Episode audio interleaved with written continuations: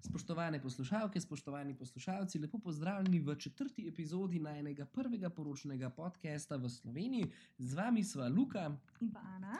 Uh, in so fotografa pri večnem trenutku. Uh, danes pa pozdravljam uh, v gosteh tudi uh, poročni salon Sanska obleka, kjer so se oglasila, in uh, iz salona pa sta z nami. Živijo, jaz sem Janina. Živijo, jaz sem Tjaša. Mi pa smo prejela nekaj vprašanj, ki se tičejo poročnih oblek. In eno najbolj pogosto zastavljenih vprašanj je prav gotovo, kdaj je pravi čas za eh, izbiro poročne obleke. Ja, to je v bistvu tudi vprašanje, ki ga nam največkrat zastavijo, ne veste. Takoj, ko so zaročene, je mogoče pač njihova prva misel poročna obleka in koliko prej se pač podati na iskanje. Uh, Um, in mi jim pravimo tako, da če pač ste pogledali spletno stran, oziroma pač večina nevest priznajo ali ne, večinoma že tudi pred za roko gledajo poročne obleke.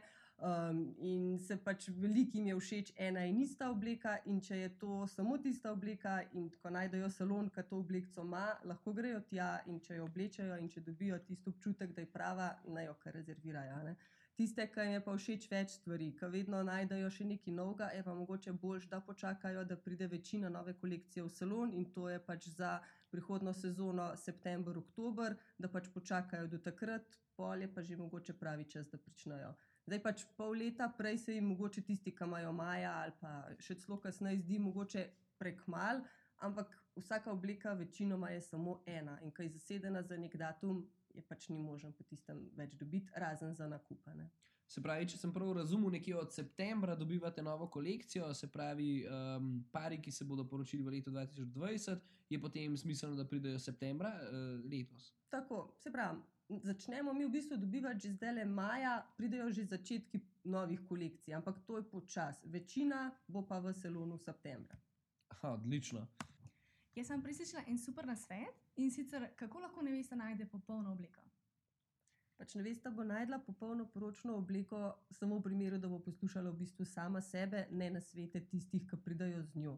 Um, tako da, če nevesta si želi pač nek določen kroj, pa če ga proba in če ji je všeč, mislim, da bi mogla ustrajati pri tem stilu, ne da bi poslušala pač eh, spremstvo, ki ji predlaga, kaj po njihovem mnenju njej bolj pristaja. Pa se potem zgodi, kdaj, da recimo pride nevesta z neko idejo v glavi, kakšno obleko si želi, pa potem odide s čisto popolnoma eh, drugo obleko. To načeloma se kar doskrat tudi zgodi. No, sicer je res, da imajo neveste že v začetku zamišljen nek vsaj kroj, če mogoče ne česa drugega, pridejo s kakšno fotografijo, čem podobnim. Uh, je pa tako, da jim vedno tudi rečemo, ne, da je mogoče kdaj tudi fino stopiti izven tistih okvirjev, da naj poskusijo še kaj drugega, da se ne bojijo poskusiti kaj drugačnega. Ne. Um, veliko krat tudi pridejo neveste v salon, ki nimajo ravno konfekcijske številke 36 in potem mislijo, da jim pač ne bo pristajal kroj, recimo morske deklice. Tako da vsem nevestam mi rečemo, da na prvem pomerjanju poskusite različne kroje. Če še niste probali, saj to, da boste videli, res to mi ne paše, oziroma v tem se ne počutim dobro. Tako da tudi uh, s konfekcijsko številko, naprimer 50, se lahko najde kroj morske deklice, ki bo pač lepo pristajal. Vsaka nevesta pa želi vedeti tudi, kako izgleda pomerjanje. Se pravi, kako izgleda to, ko stopi v vaš salon, kaj vse se zgodi, kako najdemo potem ta pravo obleko. Uh mhm. -huh. Jaz bi tukaj mogoče sam še prej dodala, da bi bilo zelo, zelo fino, tako nevestam priporočamo, da prej mogoče pogledajo spletno stran samega salona. Ponavadi so na spletni strani tudi obleke poimenovane z kakšnim imenom, pa da si tiste, ki so jim recimo najbolj všeč, napišejo tista imena na listek pokličejo na telefonsko številko salona in se naročijo na termin. Potem, ko pridejo pa tukaj, recimo, k nam v salon, jih vedno povprašamo, kakšne so kaj želje, okusi, če si je slučajno kakšno obleko že prej pogledala na spletni strani, kot sem prej rekla. In potem, recimo, probamo najprej tiste modele, ki si jih je sama napisala, to, da obleko tudi potem na sebi vidi.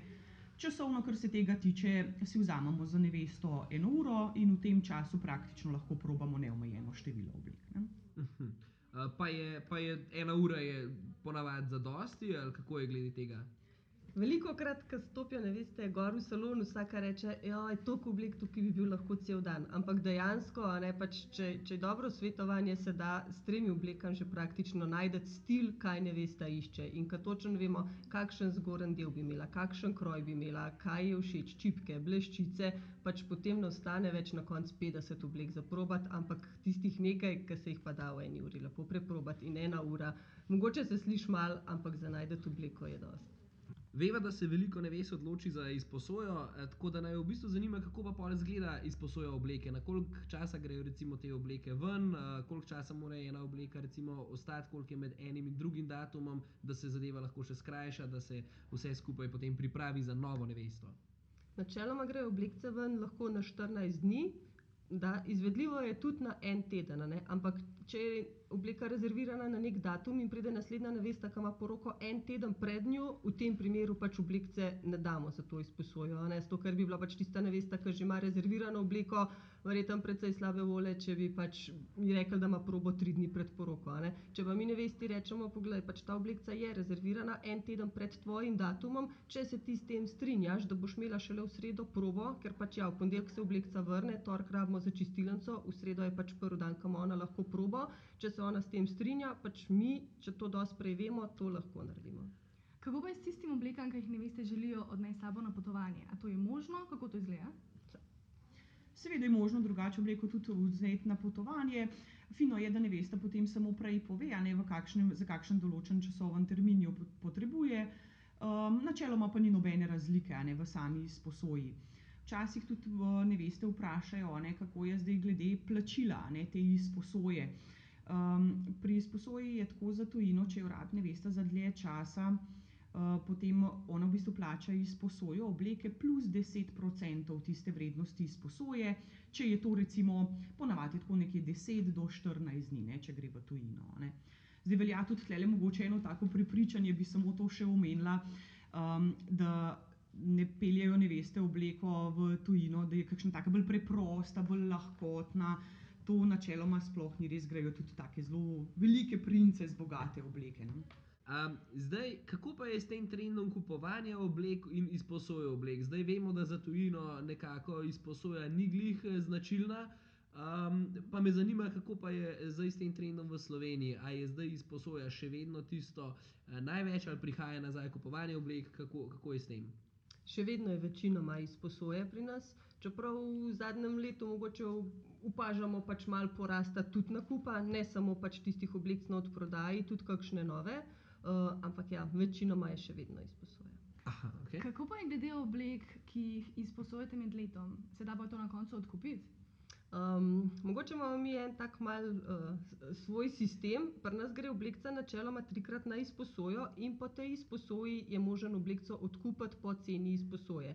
Zato tiste neveste, ki mogoče poznajo ta naš sistem, prihajajo že sedaj in imamo že kar nekaj rezervacij tudi za dva dvajset, a ne. Tako da takoj, ko nevesta, ali pa tudi tiste, ki imajo recimo konec septembra, oktobra poroko, ko pridejo v salon in vidi, oblekca je trikrat zasedena, ji mi že zdaj lahko ponudimo oblekco, da jo bo po teh treh izposojah lahko kupila. Zdaj nič nismo govorili še o cenah in pa o cenovnih rangih. bi nama zaupali, kako to izgleda pri vas? Cene so, mislim, da je primerljive s cenami ostalih salonov, tako da večina oblek se giblje za izposojo tam med dobrih štiristo pa sedemsto evri. So seveda pač kakšne, ki so cenejše, in tudi kakšne, ki so dražje, tako da mogoče dolge, tiste najbolj preproste, se začnejo od sto petinsedemdeset evrov naprej za izposojo, imamo pa tudi nekaj oblek, ki presegajo pač izposojo tisoč evrov. Ko sva vstopila v vaš salon, sva opazila, da pa nimate samo ženskih oblek, kar je pravo presenečenje. a je to noviteta ali, kako je, kako je glede moških oblek? Ja, res je, zdaj z novim letom smo začeli tudi z moškimi oblekami, in sicer opcija je oboje, tako kot pri ženskih poročnih oblekah, za nakup ali za izposojo. Ponujamo pa tri znamke, od tega dve slovenski, eno tujo. Slovenski sta Senz in pa Moro, od tuje pa francoski Adimo.